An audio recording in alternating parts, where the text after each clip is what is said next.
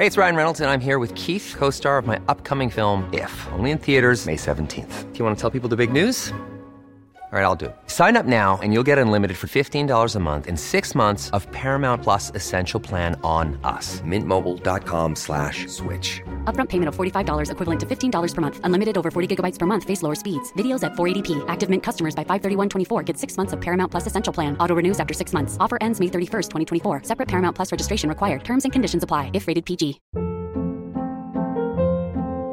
Hold up. What was that? Boring. No flavor. That was as bad as those leftovers you ate all week. Kiki Palmer here, and it's time to say hello to something fresh and guilt-free. Hello Fresh. Jazz up dinner with pecan-crusted chicken or garlic butter shrimp scampi. Now that's music to my mouth. Hello Fresh. Let's get this dinner party started. Discover all the delicious possibilities at hellofresh.com.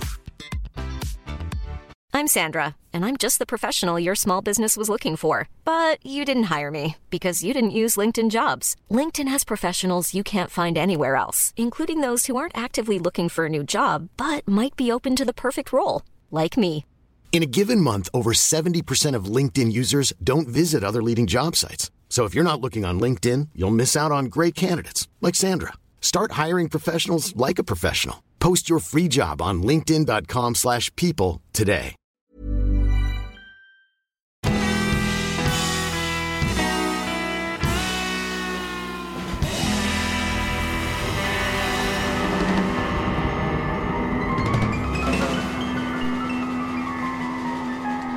Hej allihopa och välkomna tillbaka till en ny säsong av podden Ståpäls. Och det är ju som vanligt jag, Lukas. Och jag, Ida. Mm. Mm. Och nu har vi haft ett litet uppehåll på några månader här över sommaren. Ja, det var Vi skönt. kände att det var behövligt. Ja, precis. Så kan det... Man behöver lite semester ibland. Ja, man behöver ju det och tänka på lite annat och hitta på det man ja, vill under semestern och sådär. Mm. Mm. Precis. Vi har haft Jaha. lite technical difficulties. Eh, Ehm, ja, som säsongen eh, säsongen eh, går ut hårt. Ja, vi startar strångt och sen kan man bara gå ner för.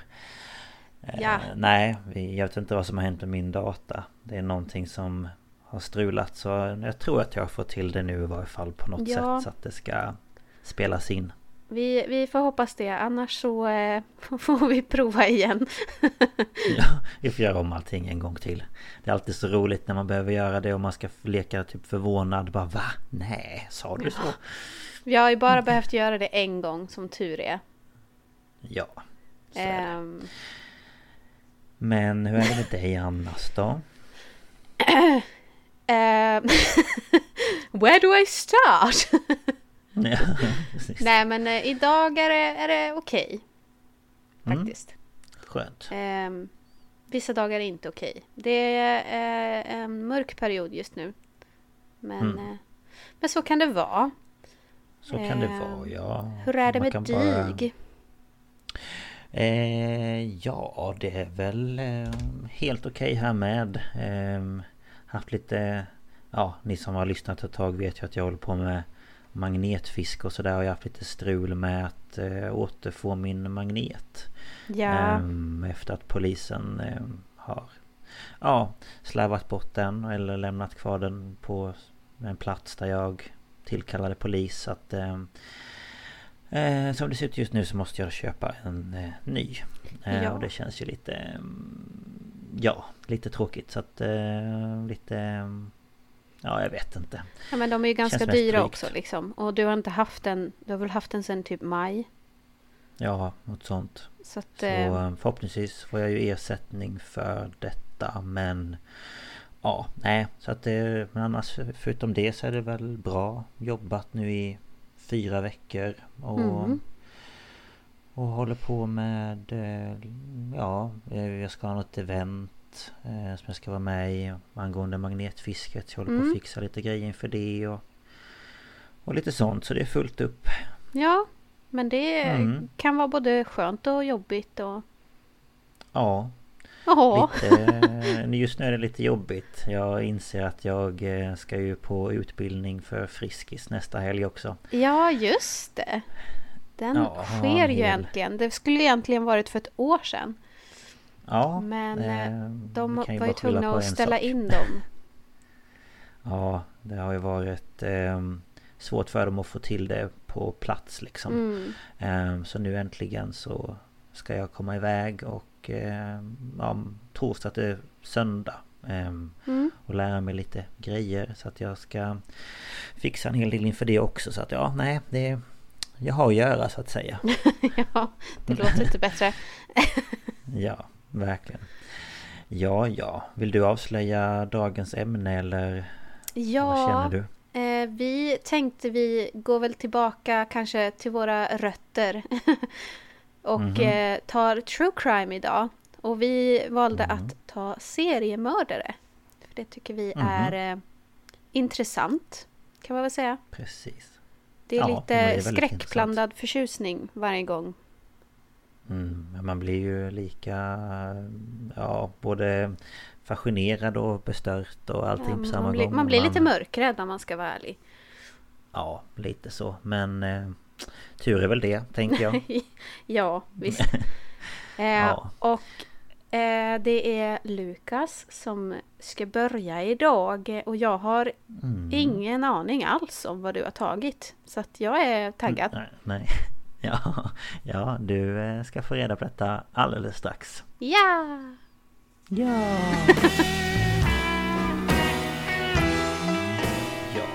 och ehm, jag ska ju då prata om Eileen Wernos. Oh, Eh, spännande. det Jag har en- hört talas om eh, denna kvinna. Men eh, jag, jag kan ju inte säga exakt vad hon har gjort. Liksom.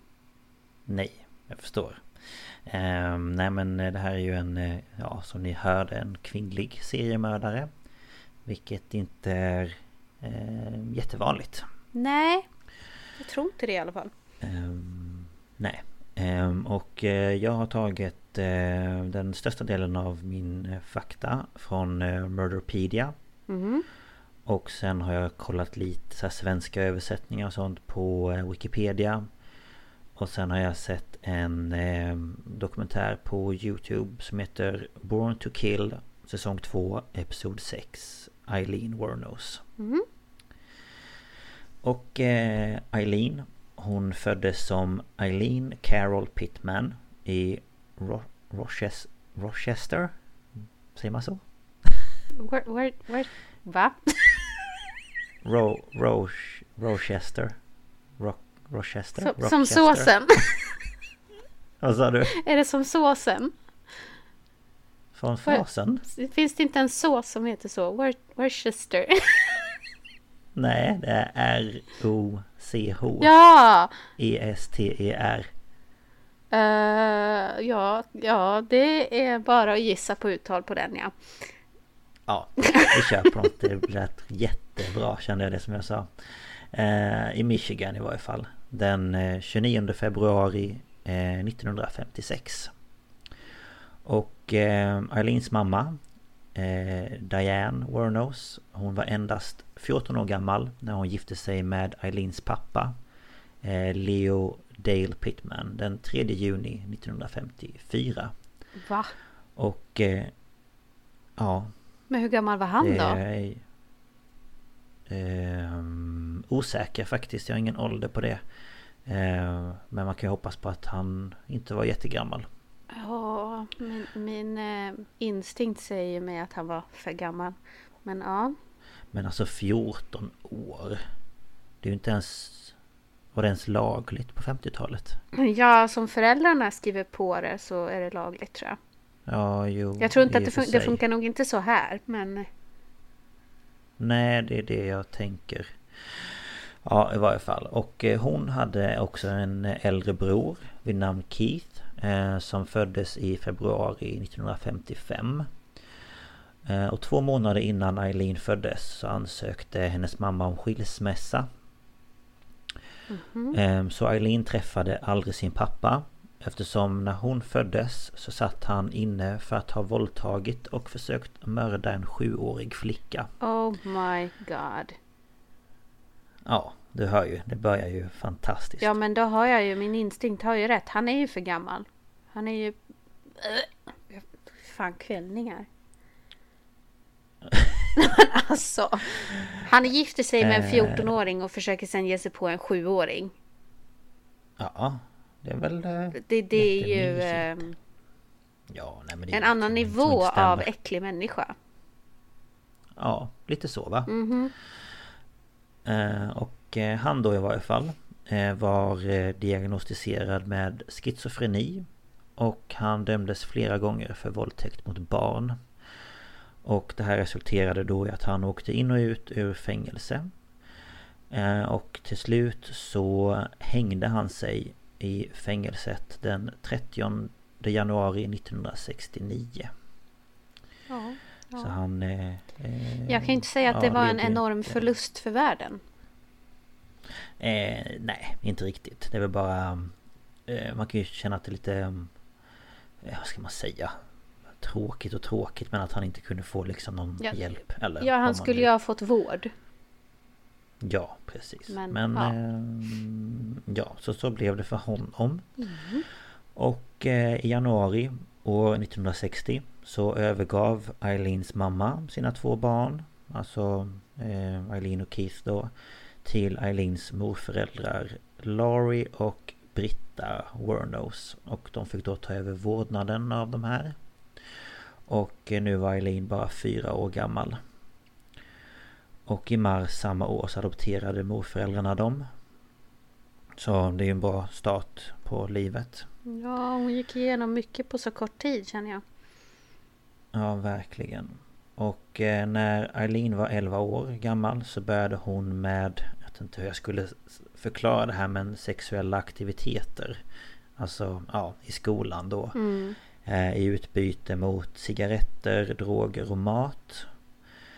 Och eh, hon ska även under samma tid jag vet inte riktigt för att han är ju äldre än henne men haft liksom olika sexuella mm, grejer med sin bror.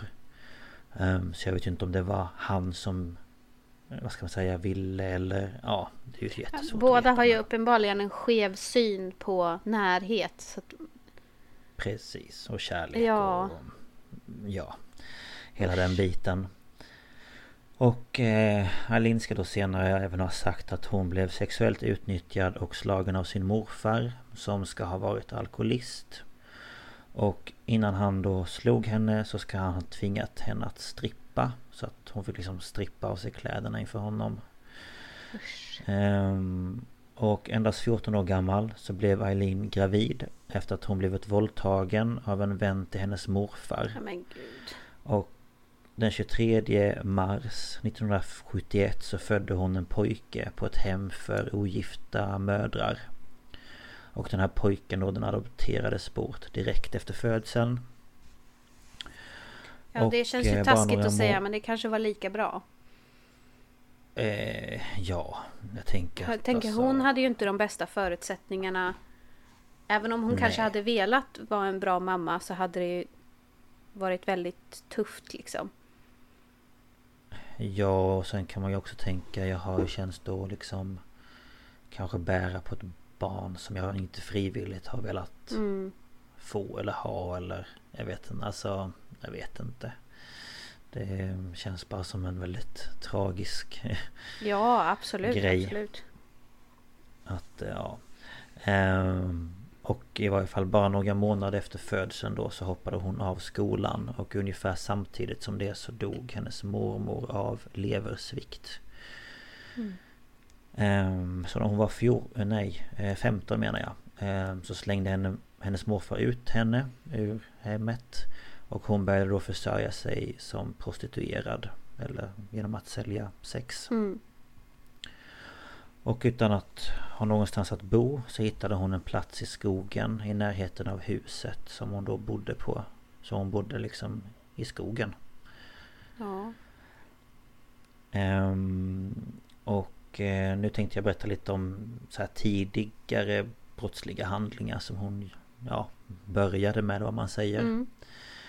Eh, och den 27 maj 1974 eh, Det var första gången som hon blev arresterad. Och det här var då i Jefferson County i Colorado. Och detta efter att hon kört bil påverkad eh, Uppträtt aggressivt och avfyrat en pistol ifrån bilen då. Okej. Okay. Och hon blev senare åtalad för att inte ha dykt upp i domstol då hon har blivit kallad dit. Ehm, och eh, fram till år 1976 då så hitchhikade hon, eller vad heter det? Ehm, liftade. Liftade ja, precis. eh, till, jag bara hitchhikade. eh, till, eh, vad heter det, Florida. Och där mötte hon den 69-åriga eh, jak jaktklubb eh, presidenten Alltså båtklubb, jakt, ja, jakt, ja du fattar Hur gammal var hon då? Louis eh, Ska se, hon föddes 50 eh, Nu måste jag se när det var hon föddes igen 56 Hon föddes 56 Och det här var? Och det här var 76 Alltså hon var 20 då? Så hon var 20, ja, 20 år och så Det är ju en, en fräsch åldersskillnad Mm, men lite smått sådär ja. Eh, och han hette då Louis eh, Gratz Fell. Och eh, de gifte sig samma år. Och det här annonserades då ut i de lokala tidningarna. Men trots detta så fortsatte Eileen med olika så här konfrontationer med andra vid den lokala baren. Och blev till slut åtalad och hamnade i fängelse.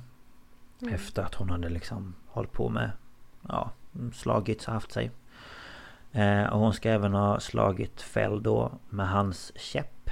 Vilket ledde till att hon fick besöksförbud. Och det är lite komiskt att han går med käpp och hon är 20 bast. Ja, herregud. Ja.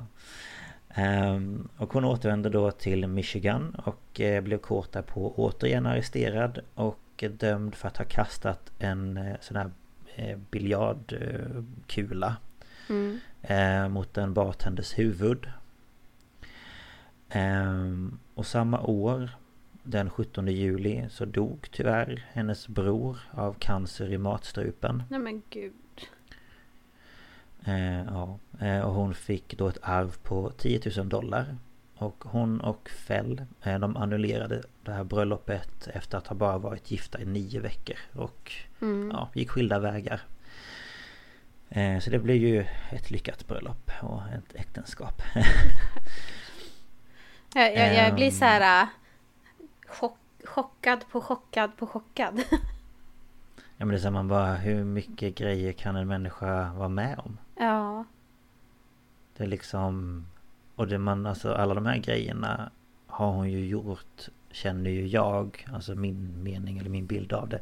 Mm. För att hon har ju inte fått någonting när hon var liten. Alltså Hon vet ju inte vad som vad ska man säga, vad som är rätt och fel och kärlek och Nej men precis. eh, Ömsesidighet och liksom eh, Allt det där som ett barn behöver känna och uppleva. Mm.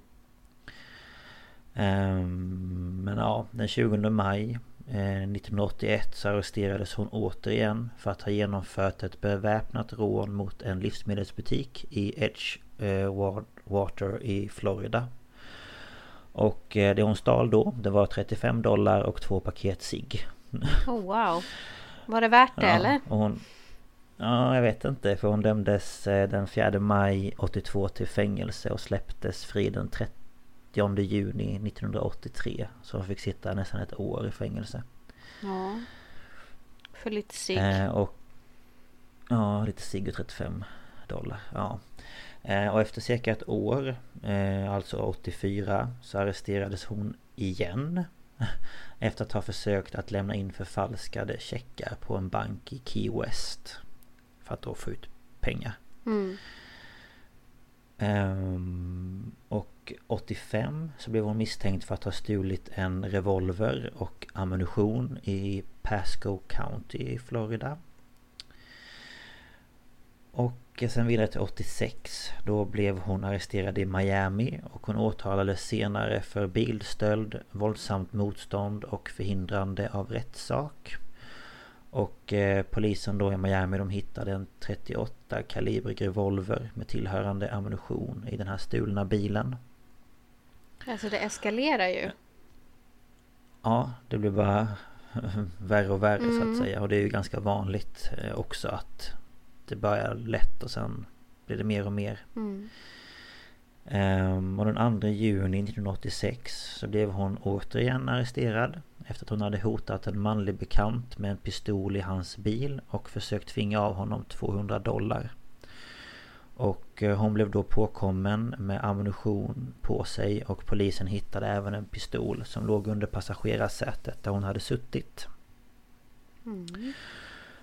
Ungefär samtidigt som den här händelsen så träffade Eileen en kvinna vid namn eh, Tyra... Tyra? Ty, nej, Tyra. Ja precis, Tyra Moore. Som arbetade som städare på ett hotell i eh, Florida. Mm. Och de träffades då på en eh, gaybar och flyttade ihop. Eh, och eh, Eileen försörjde dem båda med pengarna då. Som hon fick av, av de som köpte sex av henne. Um, och uh, den 4 juli 1987 uh, Så förhörde polisen uh, Både Eileen och Tyra Efter att de blivit anklagade för att ha överfallit någon med en ölflaska i en bar mm -hmm. Och sen 1988 så anklagade Eileen en busschaufför Som ska ha överfallit och trakasserat henne och hon hävdade att han kastade ut henne ur bussen efter en konflikt. Och Moore var då kallad som vittne till händelsen. Så allt detta liksom gjorde hon innan det att hon ens liksom började mörda. Mm, mm. Så att eh, full rulle med andra ord. Ja, jag känner Har hon varit laglig någon gång i sitt liv? Eh, känns ju inte riktigt så förutom när hon var liten då såklart. Men, ja, eh, jo. Men eh, det... Eh, det, ehm, ja, det kan inte gå lång tid mellan varje brott liksom. Nej, det är ju knappt ett år mellan varje sak.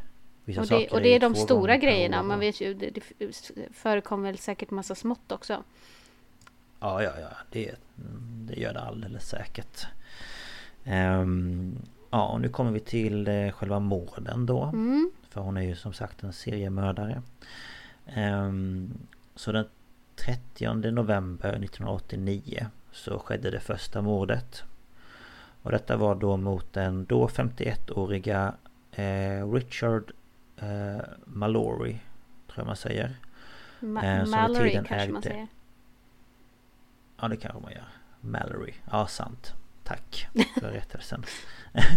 som vid tiden ägde en elektronikaffär i Clearwater i Florida.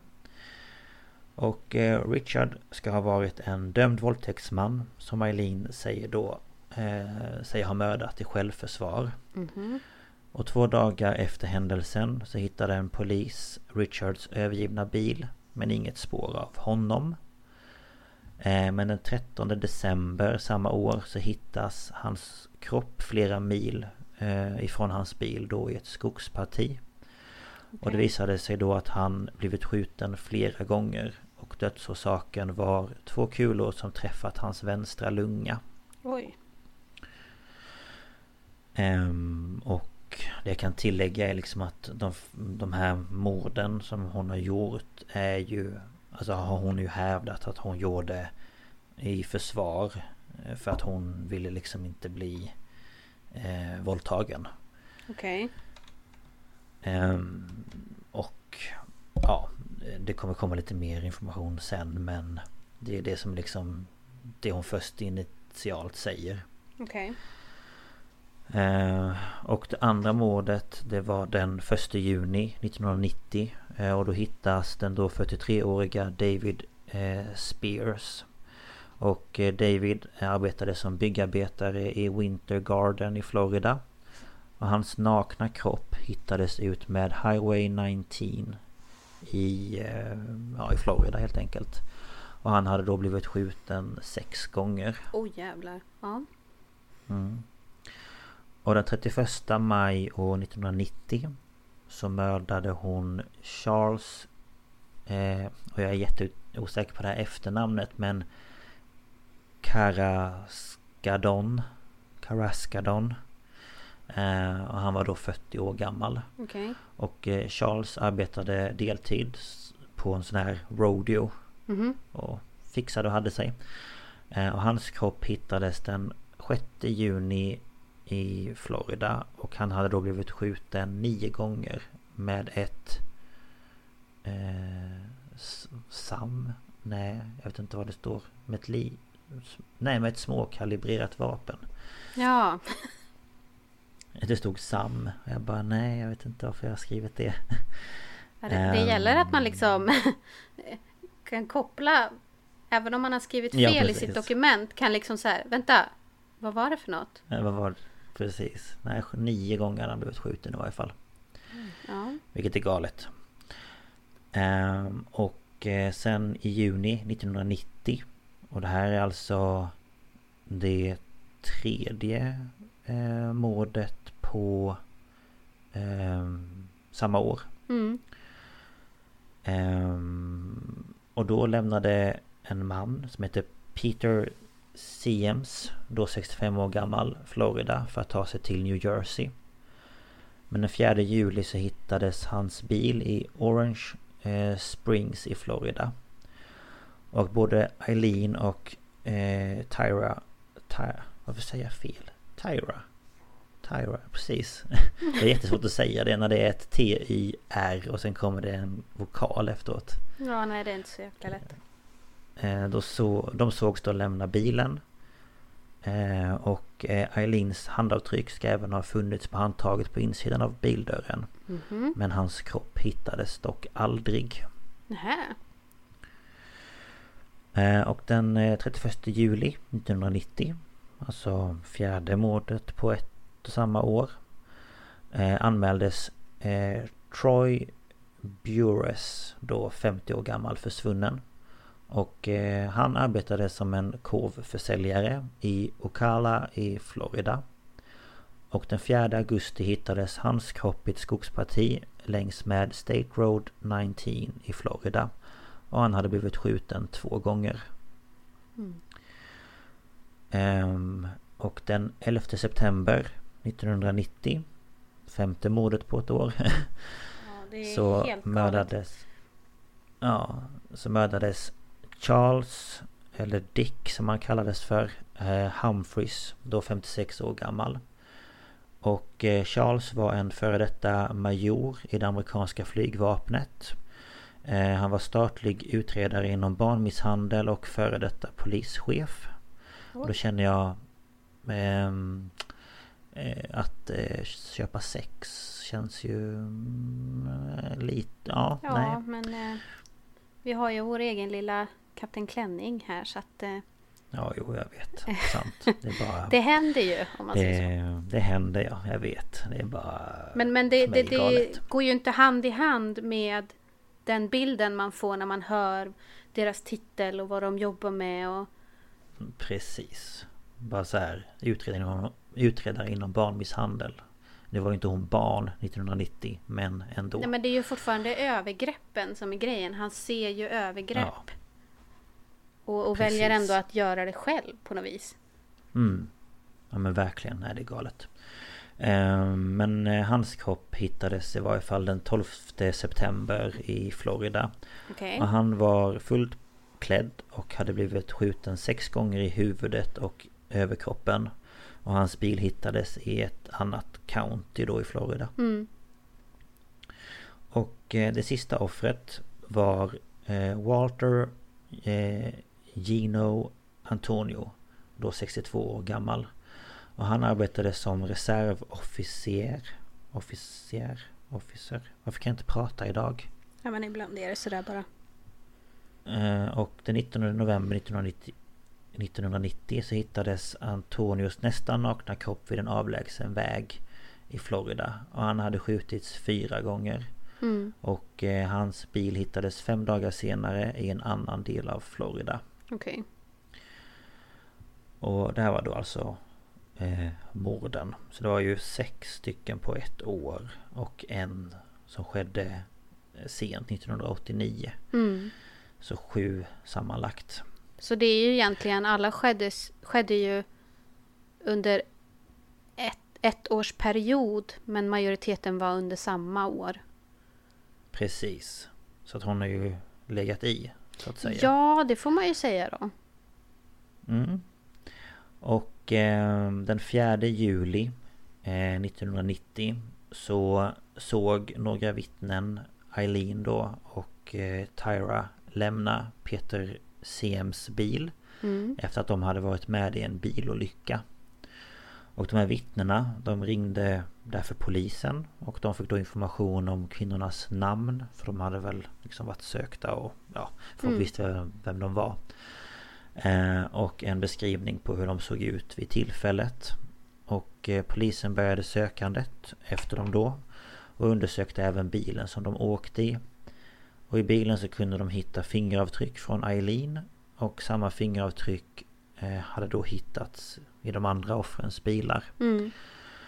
Och ehm, hennes avtryck då fanns ju också registrerat hos polisen i Florida sedan tidigare. Mm. Eftersom hon har liksom en väldigt, eh, ja vad ska jag säga, långt gången eh, kriminell bana. Ja, precis. Ehm, och den 9 januari 1991 så arresterades Eileen vid The Last Resort. Och det är en, eh, är eller var en motorcykelklubb. Mm. Och dagen efter så kunde polisen även hitta Tyra. Och eh, hon befann sig då i Pennsylvania. Och hon gick med på att försöka få fram ett erkännande om morden från Eileen i utbyte då mot sin egen immunitet. Jaha, Alltså att inte hon skulle bli okej. dömd för någonting. Man var svikare. Ja, det var, ja, det var det jag tänkte men det kanske inte var det jag hade sagt. Men Ja, Nej, men lite så här. Man bara, du, eh, bara jag, eh, jag kan säga att hon eh, har gjort allting om jag inte blir fälld för något. det kändes inte som true Ehm. love om man säger så. Nej, inte riktigt kanske. Ehm, Men hon var i alla fall, hon åkte tillsammans med polisen till Florida och väl framme då så fick hon bo på ett motell som vaktades av polisen. Mm. Och under ledning av polisen så fick hon då ringa flera samtal till Eileen där hon ska ha bett henne om hjälp med att rent få hennes namn. Okej. Och tre dagar senare, den 16 januari, så erkände Eileen morden. Och hon berättade då för polisen att männen hade försökt våldta henne och att hon dödade dem i självförsvar. Och jag kan ändå tänka lite så här att... Ja, man kan ju kanske ändå liksom förstå henne. Alltså... eh, Om det nu är det som är grejen. Ja. Så eh, är det ju liksom... eh, Vad ska man säga? Man ska ju aldrig döda någon. Nej, och det känns ju också som att även om någon försöker våldtagen. våldta dig så kanske du inte skjuter dem sex gånger i huvudet. Nej, såklart inte. Men jag tänker ändå att...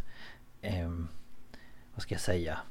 Det är ju inte så att det är kanske jättelustigt om man har haft den historien man har Nej, men haft. nej, Man alltså- nej, alltså, det fattar jag på ju. ett sånt sätt. Ja, sen är det ju inte okej att döda någon. Men det är ändå så här, okej fine, du dödade någon som försökte våldta dig. Mm. Okej. Ehm, och året därpå så åtalades Eileen för mordet på Richard Malloy. Och i detta fall så valde åklagaren att använda sig av något som heter Floridas William Rule, alltså regel. Och den här regeln den innebär att du som åklagare får använda dig av tidigare straff eller händelser för att påvisa att personen i fråga har ett kriminellt förflutet. Och det får man ju egentligen inte. Du kan ju inte använda dig av tidigare domar för att någon ska bli dömd. Ehm, Men i det här fallet så gick de med på det. Och den 27 januari 1992 så dömdes Eileen för mordet på Richard. Och detta då med hjälp av eh, Tyras vittnesmål. Mm. Och när Eileen fick sitt straff så bedömde en psykiatriker att hon varit eh, psykiskt sjuk vid tillfället då. Mm. Eller tillfällena eller vad man säger. Och eh, hon hade även fått diagnoserna borderline eller emotionell instabil personlighetsstörning eller syndrom. Och antisocial personlighetsstörning. Mm. Eh, men trots detta då så dömdes hon fyra dagar senare till, att, alltså till döden. Att det var den domen hon fick. Okej. Eh, Och någon månad efter domen så vädjar hon till rätten att få ställas inför rätta för morden på eh, han där eh, Dick Humphreys, Troy Bures och David Spears. Och hon menade då att hon ville citat Get right with God. Eh, Så den 15 maj 1992 så dömdes hon till ytterligare tre dödsdomar. Okej. Eh, någon månad senare så erkände hon sig även skyldig till mordet på Charles Carrascadon och några månader senare fick hon sin femte dödsdom. Och under denna rättegång så försökte försvaret få fram bevis om Richard Mal Mallory som hon då dömdes för först. Och de här bevisen var bland annat att han hade varit inför rätta efter att med avsikt ha våldtagit kvinnor i Maryland. Eh, Och han ska även under åren 1958 till 1962 ha varit på en säkerhetsanstalt med liksom maximal säkerhet Okej. eh, i Maryland för att genomgå en behandling för sitt sexuella beteende. Mhm. Och han ska då sammanlagt ha fått åtta års behandling från den här anläggningen. Åh Och eh, ja, men de här bevisen gav ingenting. Så det är liksom, vad ska jag säga, gjorde inte att hon fick ett mindre straff eller Nej. liksom så. Och i februari 1993 så erkände Eileen sig skyldig för mordet på Walter Gino Antonio och dömdes återigen till döden. Och Eileen dömdes inte för mordet på Peter Siems då hans kropp aldrig har hittats. Nej. Så sammanlagt så fick hon sex dödsdomar. Det är det som är så intressant med USA. Att Ja. du kan få liksom consecutive Mm. domar. Alltså jag domar vet. som följer på varandra. Så du kan liksom Säg att du döms för 70 år för ett brott. Och sen döms du för 100 år på ett annat. Och då döms Mm. Då du så att den, ska, den domen ska följa den första. Mm. Och man bara, men, Men säg bara tills du dör. För att du kommer inte kunna sitta i fängelse i 150 år. Jag säger inte det. Nej jag skojar. Nej men det jag vet det är jättekonstigt. Det är väl bättre bara du kommer sitta tills du Tills du ja, avlider helt enkelt. Men de, liksom, de är väldigt noga med att det ska verkligen vara åtskilda straff. Alltså du ska inte straffas sammanlagt utan Mm. det ska vara för varje Ja. grej. Varje grej ja. För det säger man då ofta att eh, typ så här eh, I den här delen av det här yrkandet så får du så här eh, många Mm. år och sen för den här delen så får du bla bla bla och sen lägger de ihop hela alltet. Mm. Ehm, och ja, i varje fall. Hennes försvarare överklagade till domstolen 1996. Men den nekades. Alltså överklagan. Mm. Och 2001 så meddelade Eileen att hon inte skulle göra fler försök till överklagan. Nej. Och hon eh, kontaktade eh, Floridas högsta domstol och bad dem då om rätten att få avskeda sin advokat och att stoppa alla överklaganden. Mhm. Och nu eh, har hon dock ändrat sig lite i sin historia. För hon menade på att hon dödade de här männen och rånade dem utan att ångra sig det minsta. Hon menade även att hon skulle göra det igen. Att hatet fanns inom henne. Mm. Hon menade på att hon var trött på att höra att hon var galen. Att hon gjort många utvärderingar men att eh, hon menar på att hon var kompetent, vettig och att hon bara försökt säga sanningen. Och att hon hatar människor och att hon skulle döda igen. Mm. Så någonting... Vad ska man säga? Det är jättesvårt men hon har ju verkligen inte det lätt. Nej, alltså... hennes... Det är liksom såklart att du hatar Ingen människor. har ju någonsin visat empati för henne så hon vet ju inte Nej. Hur det funkar. Alltså, och hon har bara blivit illa behandlad av människor. Precis. Och det är det jag menar. Det är inte så konstigt att hon hatar människor då. Nej men nej, det, det är ju inte det. Och sen bara för att man blir illa behandlad blir man ju inte en kall mördare. Men Nej. vissa, Nej, självklart inte. vissa hamnar nog där. Ja, och det alltså mycket beror på att hon har inte fått rätt förutsättningar för att lyckas. Mm. Hon har ju liksom inte, jag menar hon har inte gått i skolan, hon har inte haft något jobb, hon... Mm. Eh, alltså... Alltså, ja, hon har ju inte det är haft jätte- ett normalt liv. Nej. Hey, it's Ryan Reynolds, and I'm here with Keith, co star of my upcoming film, If, only in theaters, May 17th. Do you want to tell people the big news? All right, I'll do it. Sign up now and you'll get unlimited for $15 a month in six months of Paramount Plus Essential Plan on us. Mintmobile.com slash switch. Upfront payment of $45 equivalent to $15 per month. Unlimited over 40 gigabytes per month. Face lower speeds. Videos at 480p. Active Mint customers by 531.24 get six months of Paramount Plus Essential Plan. Auto renews after six months. Offer ends May 31st, 2024. Separate Paramount Plus registration required. Terms and conditions apply if rated PG. Ever catch yourself eating the same flavorless dinner three days in a row? Dreaming of something better? Well, HelloFresh is your guilt-free dream come true, baby. It's me, Gigi Palmer. Let's wake up those taste buds with hot, juicy pecan-crusted chicken or garlic butter shrimp scampi. Mm. Hello Fresh. Stop dreaming of all the delicious possibilities and dig in at HelloFresh.com. Let's get this dinner party started.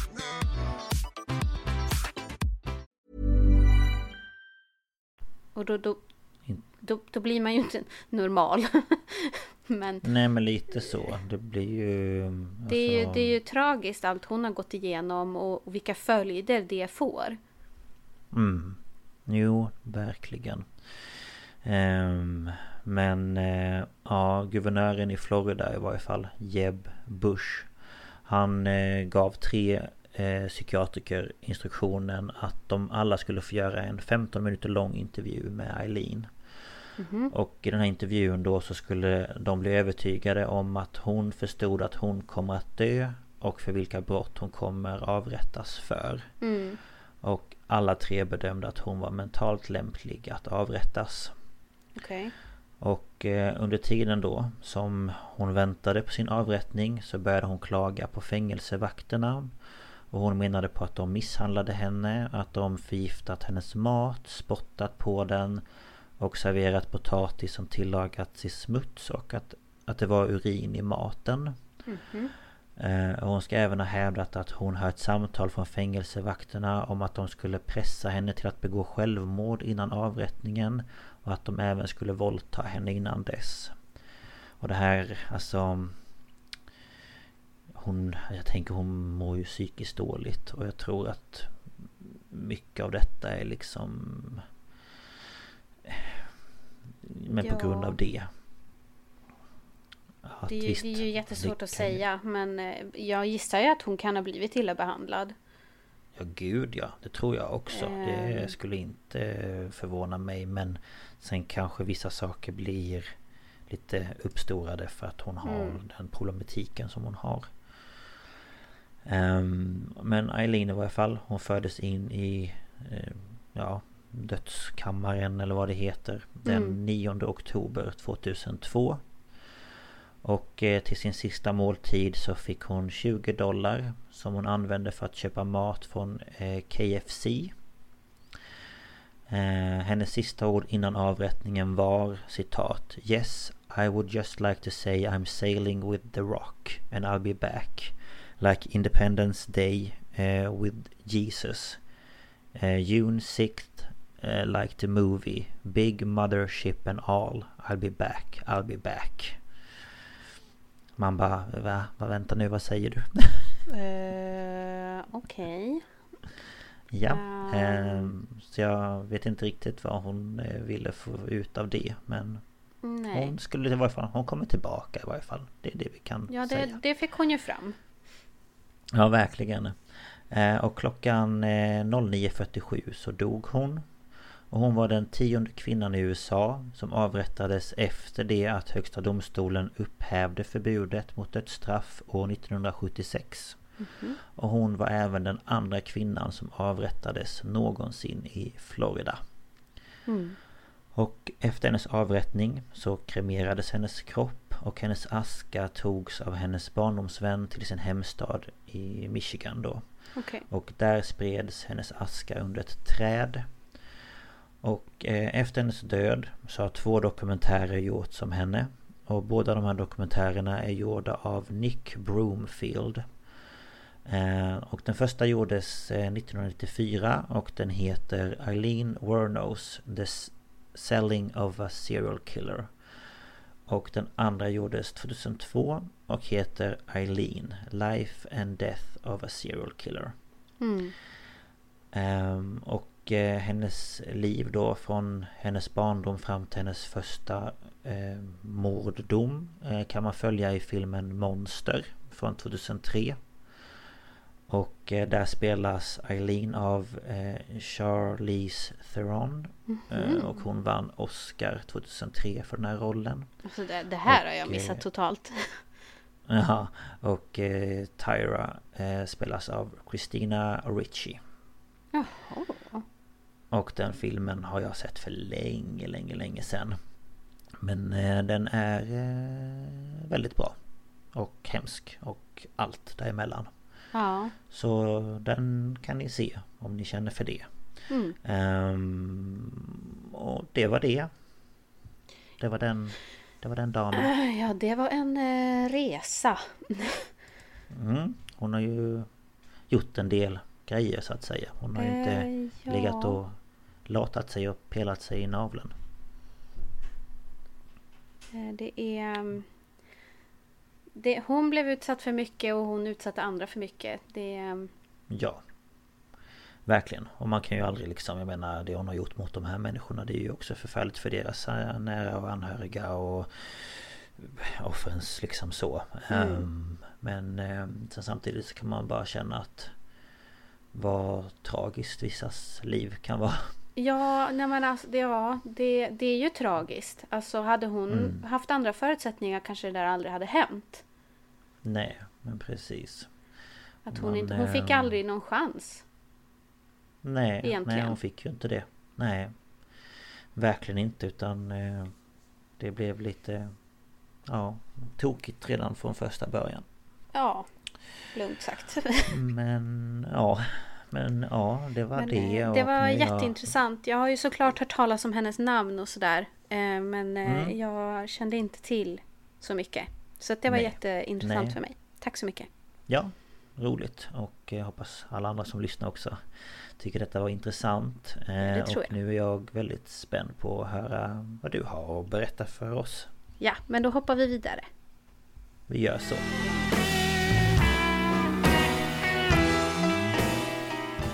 Jag ska ju ta en man, blir det. Mm. Eh, som heter Dennis Nielsen. En man. Eller, ja, de säger Nielsen. Nielsen. Eh, vi skulle ju säga Nielsen. Men ja. Det låter... Eh, och jag valde, jag hade tänkt ta en annan eh, seriemördare först. Men så kom det precis när vi skulle börja skriva så kom det en dokumentär på Netflix.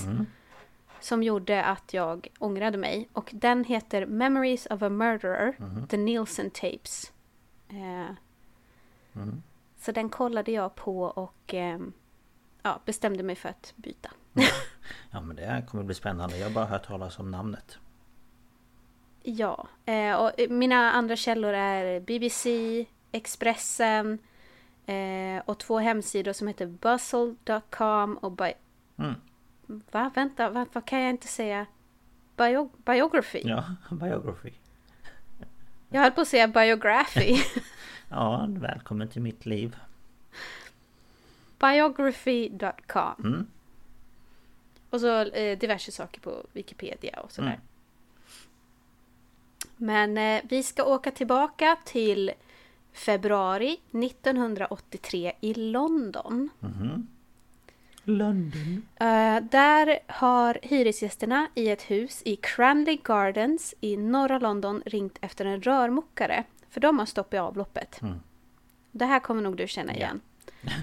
Eh, för att det kommer då dit en, en stackars man som... Eh, han öppnar då liksom den här serviceluckan, brunnslocket utanför huset och eh, upptäcker stora mängder kött och ben i avloppet. Mm. Vad mysigt.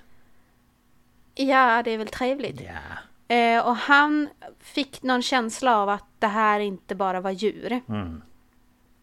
Så att han ringde ju polisen. Eh, och de kommer till den här adressen och eh, rörmokaren berättar för dem att när han höll på så... För de frågar ju så här, har, har du sett något konstigt? Eh, och då säger han att ja, han som bor högst upp i huset eh, verkade väldigt intresserad och liksom ville kolla vad som skedde. Eh, och då pratar man med de andra som bor där och de säger att vid midnatt, ja, dagen, kvällen, natten innan, så eh, hörde de så här skrapande ljud utifrån. Så de öppnade ytterdörren och kollade vad det var. Och där står den här mannen från lägenheten högst upp, endast klädd i underkläder, alltså antagligen tatty och en, en undertröja. Och jag vet inte om de menar som ett linne eller du vet ett sånt här nätlinne. Ja, sånt där sexigt. Kasslelinne. Ja. eh, han står där och det här är ju februari så det är ju kallt. Så de är ju så här, är det okej? Ja. Och då säger han, ja, ja, jag var bara och kissa för det var ju stopp i avloppet. ja, just ja. Eh, och då är det en, en polis, eh, han är väl så antagligen någon slags boss. Eh, som heter Steve McCusker. Och han frågar runt lite och ja, frågar lite om den här mannen. Och han får då reda på att han jobbar på ett lokalt jobbcenter. Det är typ som Arbetsförmedlingen. Mm. Okej. Och han hette då Dennis Nielsen. Och då tänkte jag vi hoppar in i hans bakgrund på en gång så liksom vi har det gjort. Han föddes den 23 november 1945 i Fraserburg, eller Fraserborough i Aberdeenshire. Shire, shire. jag, jag, jag vet inte hur jag ska uttala. Aberdeenshire, Aberdeenshire. I don't know. Jag vet inte heller. Ehm, det är, eh, jag tror att det är Skottland i alla fall. Ja, okej. Och han var det andra av tre barn. Och hans eh, mamma hette Elizabeth Duthie White. Och hans pappa hette Olav Magnus Moxiem. Ja. Eh, och han eh, eh, hade då tagit namnet Nilsen. Okej. Han, eh, pappan var en norsk soldat som hade rest till Skottland 1940 som en del av de fria norska styrkorna efter den tyska ockupationen av Norge. Mm. Så han var ju inte bara en norsk ättling utan han var Norge. Norgeman, Norgeman? jag Ja, säga. Norrman. eh, och eh, det var en, en, kort uppvaktning. Mm. Eh, så gifte de sig i maj 1942 och eh, de flyttade in i hennes föräldrars hus. Okej. Eh, det var inte jättebra äktenskap. Nej. Nej, okej. Eh, Olav tog inte det här på något större allvar för han höll ju bara på med sina arbetsuppgifter för de här fria norska styrkorna och Mm. han visade inte jättestort intresse av att liksom spela, spendera tid med, med sina barn eller, eller ens försöka hitta ett, ett eget hus Nej. till sin familj. Nej, okej. Eh, och det gick till 1948 och då skilde de sig. Och då bodde Elisabeth och barnen kvar hos hennes föräldrar. Och enligt hans mamma var Dennis en normal men tystlåten pojke. Enligt honom själv, det här är ju då från de här eh, inspelningarna, så var han citat en beklämd pojke och ingen verkade märka det. Jag kände mig annorlunda på något vis. Att vara fattig, smal och fult klädd var kanske det första angreppet mot min uppvaknande självkänsla. Att inte ha en far att skryta om kan ha varit ett annat. Mm. Så, Ja, ja. ja. Mm. Han tyckte väl inte att det var jättekul och han menar på att hans mamma var känslokall. Okej. Ehm, jag tänkte hon, hon gjorde nog det bästa. Ja, såklart. Ehm, och när han var tio år så blev han förälskad för första gången. Och det här var i en pojke som gick på samma skola. Mhm, okej. Eh, och han, han har väl inte haft svårt att acceptera själv att han var homosexuell. Nej. Men han kämpade mycket med samhällets syn på män som älskar män. Mm, okej. Och inte nog med att han var en oäkting, alltså hans pappa hade dragit. Och så var han gay också. Så nu kände han sig verkligen som att han stod utanför samhällets gränser. Mm, såklart. Eh, när han var 14 så gick han med i Army Cadet Force. Och eh, han såg liksom det här att gå med i armén som en slags möjlighet att fly från den här lilla landsbygden han var ifrån. Mm.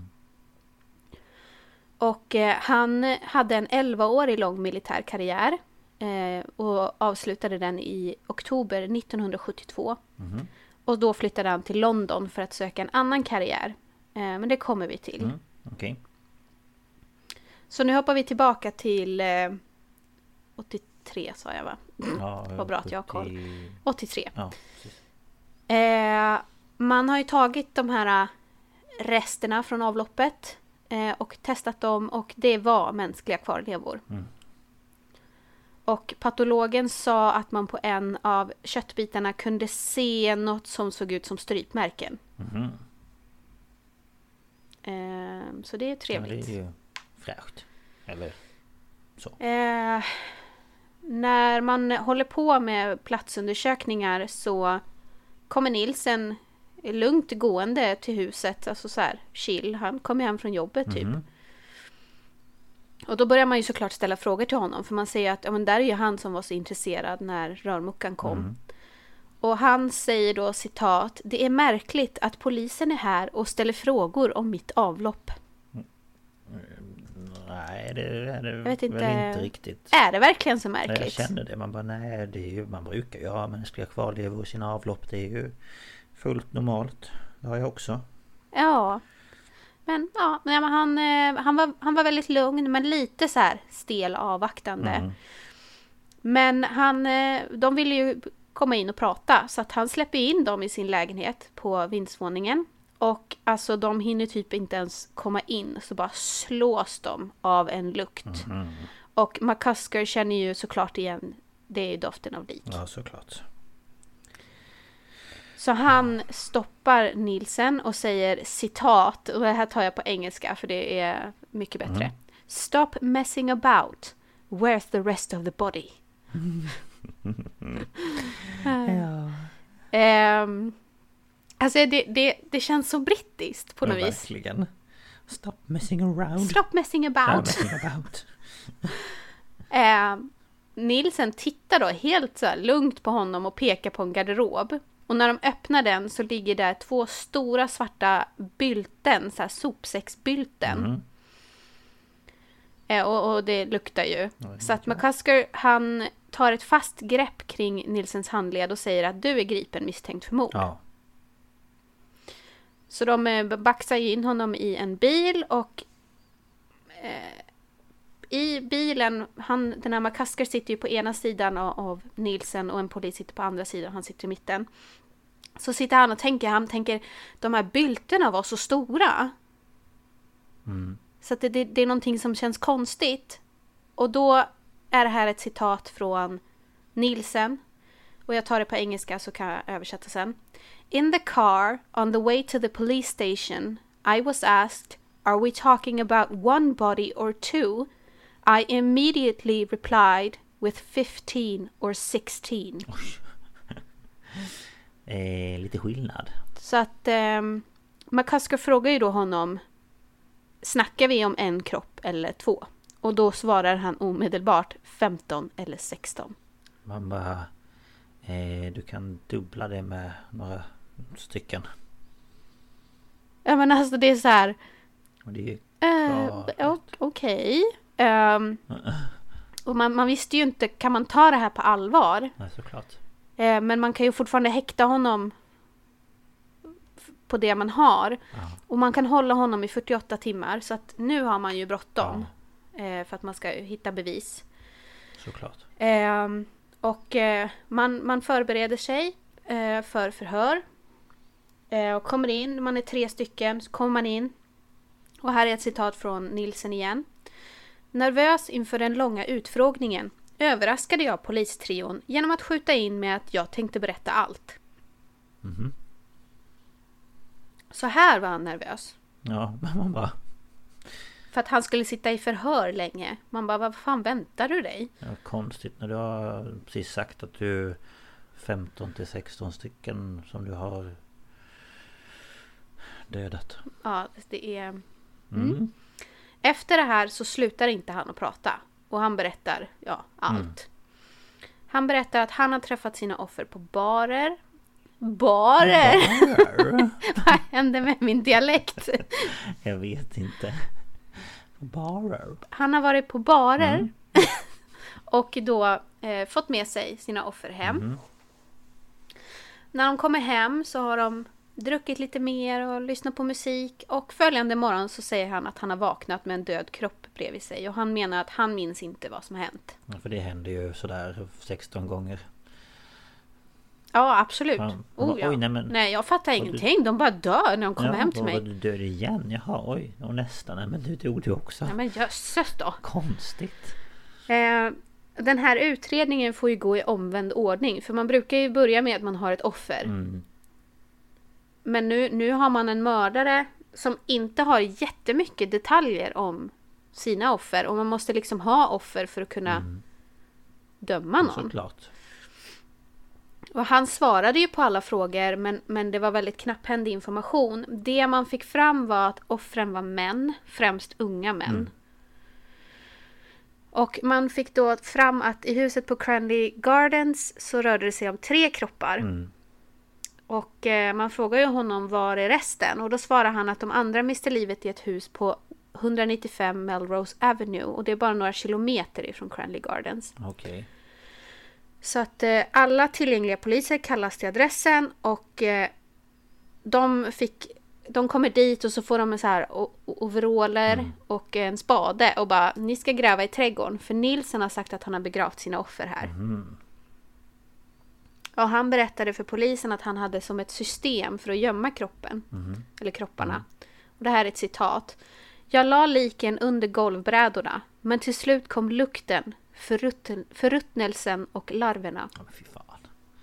Ah, så jag får på typ panik. Jag tänker på en som skulle älska Ja. det här. Det... Mm. Mm. Vid eh, tidpunkter så tog platsen under golvet slut. Ah. Och då eldade han upp kropparna i trädgården och när det bara var aska så spred han ut den och begravde den i trädgården. Aha.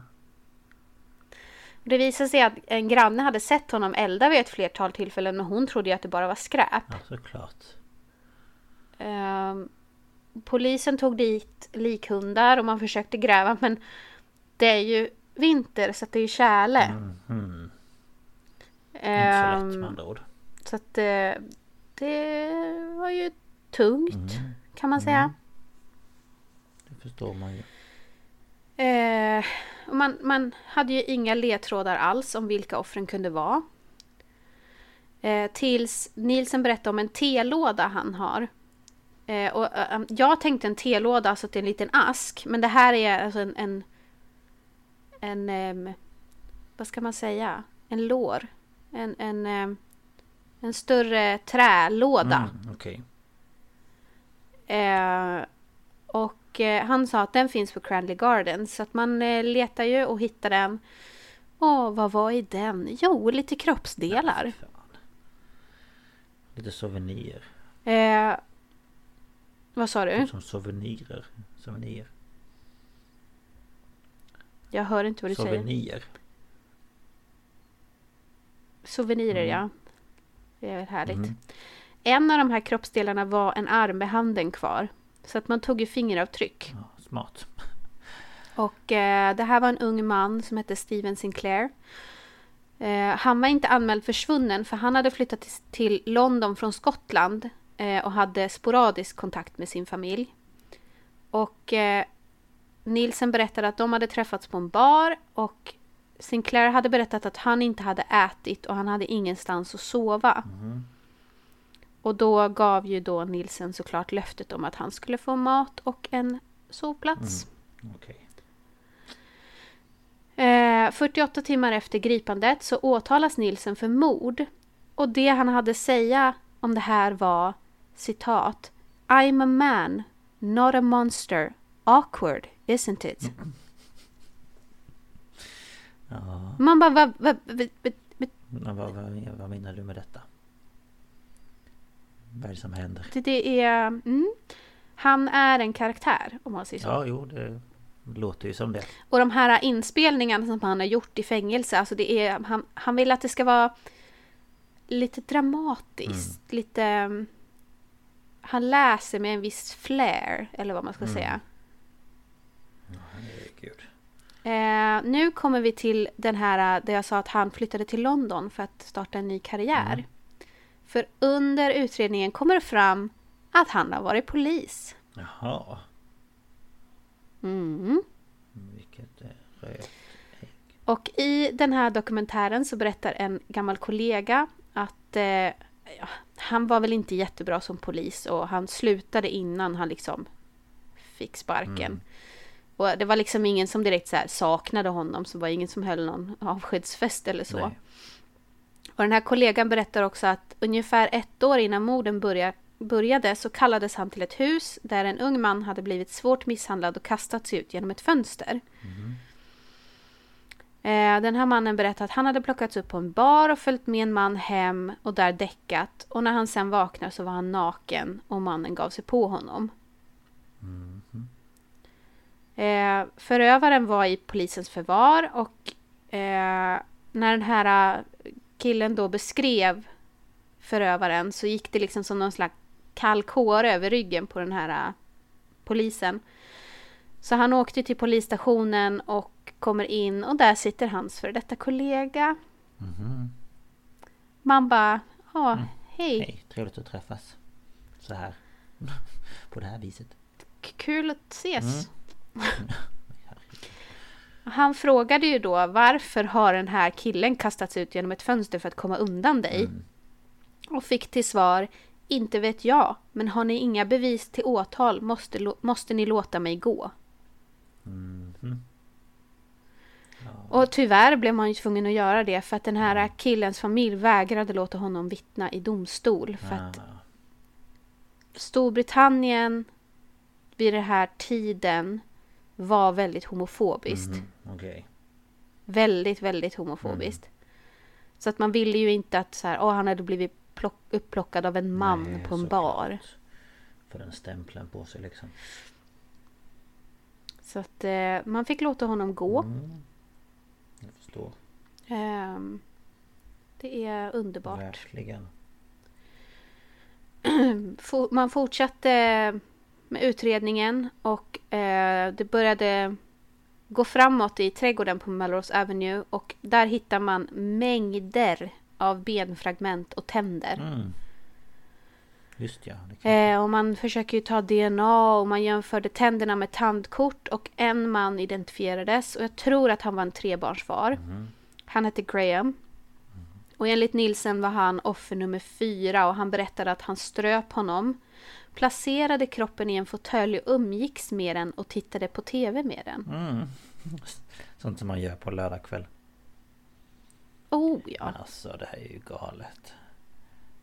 det är man, mm, Men då måste man ju inte ha... åtta månader, Men då va? kan man ju inte ha något annat socialt umgänge överhuvudtaget. Tänker jag. Nej, nej, nej. Han var, han var en enstöring. Jo, ja.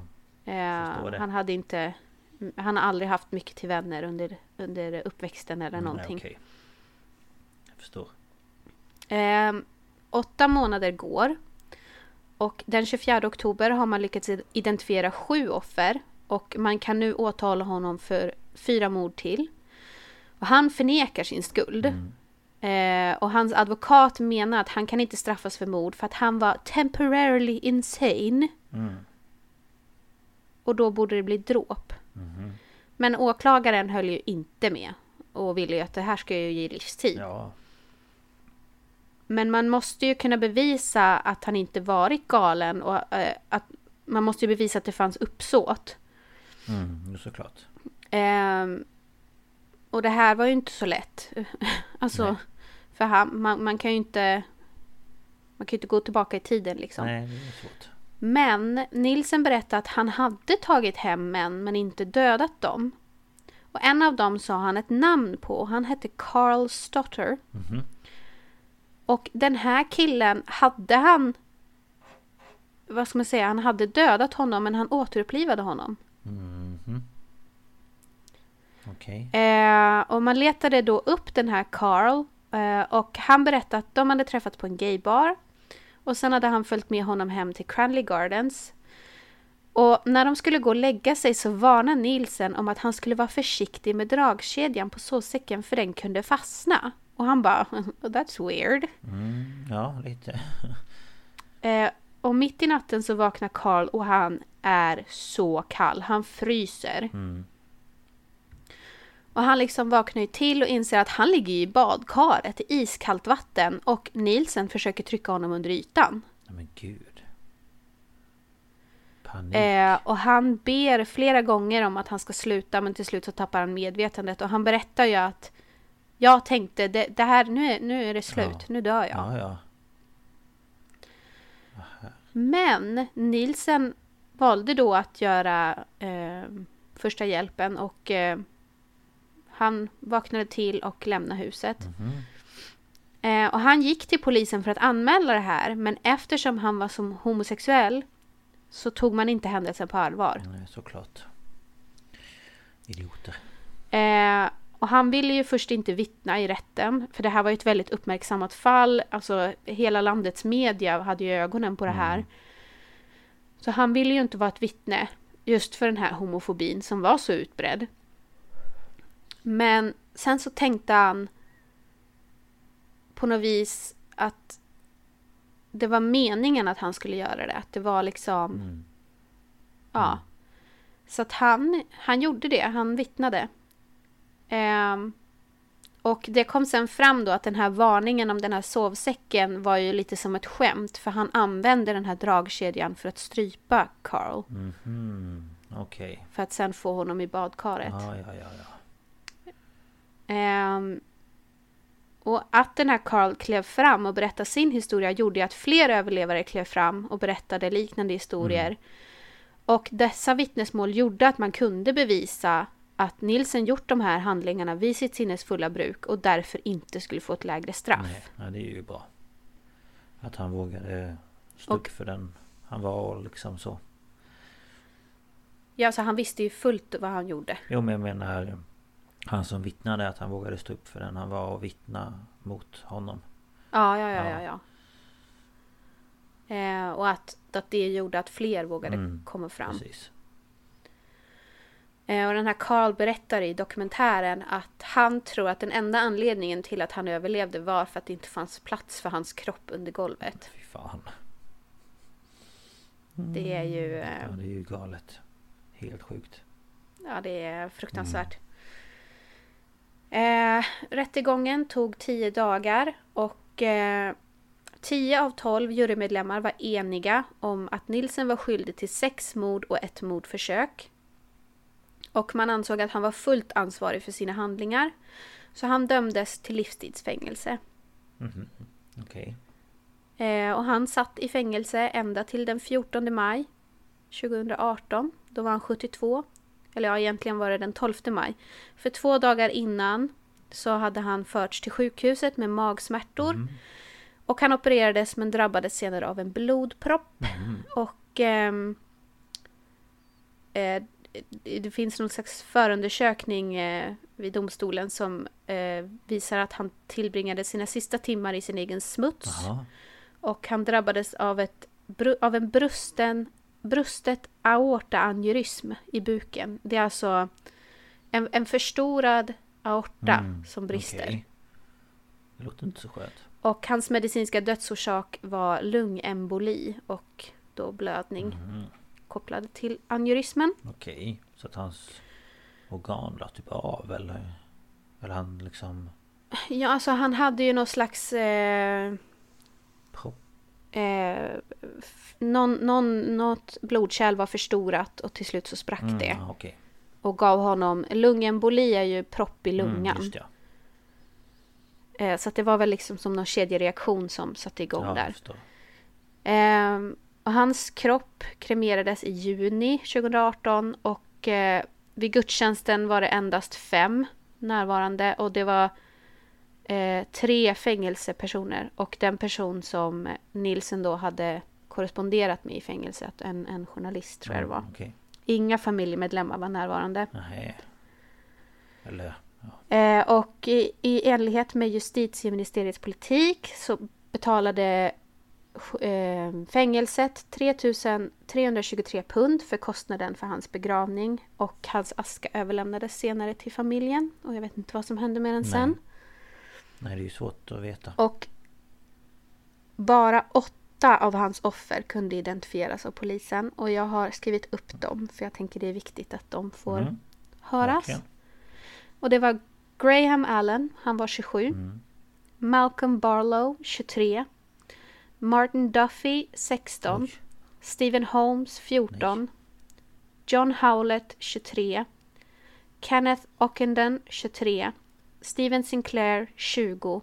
Och William Sutherland, 26. Fy- Sa att den var 14? Mm. Det är ju helt galet. Den äldsta var 27 och den yngsta var 14. Herre. Ja. Man vet ju inte vad som hände med askan eftersom ingen kom ju till begravningen. Så ingen, Mm. alltså... Det kan inte vara någon som brydde sig om att ens ta emot den. Eller jag vet inte. Det...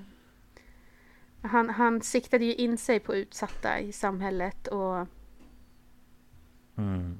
han visste väl att många av hans offer inte skulle saknas. För att de var ju hemlösa. Alltså det rådde ju stor eh, ar- arbetslöshet och, Ja såklart. och just att de var homosexuella också. Ja. I den, det klimatet som rådde. Och det gjorde det ännu värre.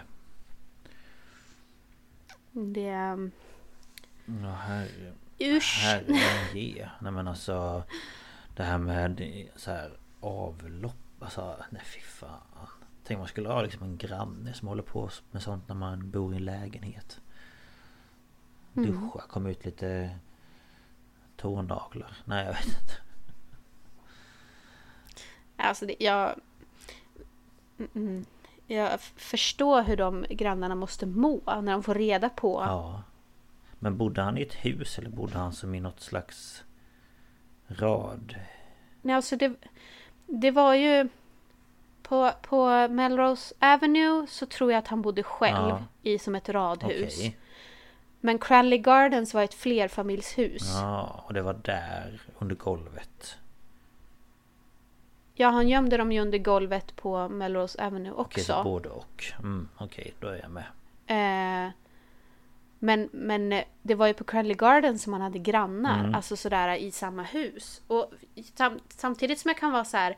Åh vad hemskt att få reda på att det har pågått. Men ändå så kan jag vara så här. Men hur kan de inte Har märkt något. märka något? Jag tänker doften av det. Jag har ju aldrig känt den doften men många säger ju att den är ju väldigt speciell och Den är intensiv. väldigt distinkt. Så att det är ju inte så att man skulle komma in i trapphuset och känna den liksom. Alltså jag vet inte. Tänk, Men eh, jag antar att de grannarna känner väl kanske inte att de är så sugna på att prata om det där heller. Nej, såklart. Ehm, Men ja, herregud. Du sa han Men, blev eh, 70... Vad sa du? Två. 72, ja, det var inte så gammalt men... mm. Men... eh, Och han blev... In... En, en eh, snusgubbe. Ja, verkligen. Hur gammal var han när han hamnade i fängelset då? När han hamnade i fängelse. Det var ju 83. Ja. ja. Eh, och han föddes, vad sa jag, 45. Okej så 38 Eller? Ja, ja, han hade inte fyllt 38. Nej. Han fyllde ju i november och han blev dömd i oktober. Okej, ja. Mm. Ja. Eh, så han satt ju halva Mm. sitt liv ungefär. Lite mindre. Det blir ju så när man... Men det värsta är, hade de tagit den där killen på allvar innan så kanske det inte hade Mm. Nej, hänt överhuvudtaget. Såklart. Ja herregud, ja det var bra, det var intressant. Jag har hört lite om det tror jag nu när du berättade men eh, Inte som jag liksom Ja, vad blir det för mord har ju tagit upp Dennis Ja det är Nilsen. därifrån säkert som jag har hört det Eh, men det var nog ett tag sedan. Mm. Eh, och jag tänkte det, eh, det kanske kom fram ny information med den här dokumentären. Så att jag kände jag, jag tar Mm. Ja det. självklart, nej det var bra och intressant så att Det tackar jag för Vad bra. Ja, Så bra, så så bra. bra så bra Ja ja Det var ju allt för dagens eh, avsnitt. Mm. Hoppas ni eh, tyckte att det var en bra säsongstart. Det får man väl ändå hoppas att ni tycker ja Ehm, ska vi hålla på nästa veckas ämne? Jag tänkte precis fråga, vill du det eller ska vi avslöja? Jag vet inte Nej, jag tycker vi håller Ja, på det. gör vi så Ehm, Då får det bli en liten får bli en surpris. Ehm, Men eh, i vanlig ordning så tar vi gärna emot eh, tips på eh, saker ni vill att vi ska ta upp eller tankar, åsikter. Om ni vill påpeka någonting Mm.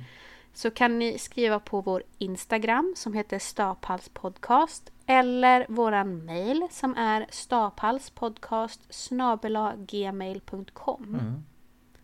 Helt rätt Det är där ni kan kontakta oss. Följ oss gärna på Instagram också för att eh, vi lägger ut uppdateringar om det sker någonting med veckans avsnitt eller eh, något sånt. Och så brukar vi ibland lägga upp eh, bilder Ja. som är kopplade till veckans avsnitt. Precis Så att eh, jättegärna in och följ oss där och Och allt som Ida sa Jag håller med Fullständigt Ja, I second it. Precis Men eh, Eh. Vi får väl tacka för den här Gången Ja, det känns skönt att vara igång. Det tycker jag Så eh, Så att eh, vi hörs som vanligt varje torsdag. mm, Och eh, kommer hålla på fram till jul. Så att, eh, håll till godo mina vänner. Ta hand om er så hörs vi nästa vecka. Tack för idag! Hej Hej då.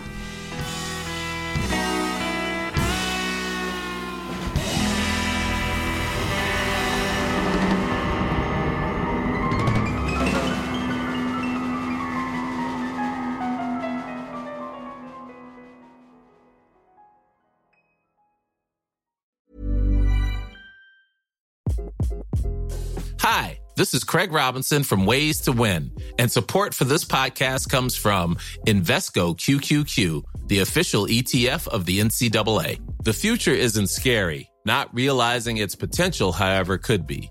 Just like on the recruiting trail, I've seen potential come in many forms as a coach. Learn more at Invesco.com slash QQQ. Let's rethink possibility. Invesco Distributors, Inc. Ever catch yourself eating the same flavorless dinner three days in a row? Dreaming of something better? Well, HelloFresh is your guilt-free dream come true, baby. It's me, Kiki Palmer. Let's wake up those taste buds with hot, juicy pecan-crusted chicken or garlic butter shrimp scampi. Mm. Hello Fresh. Stop dreaming of all the delicious possibilities and dig in at HelloFresh.com. Let's get this dinner party started.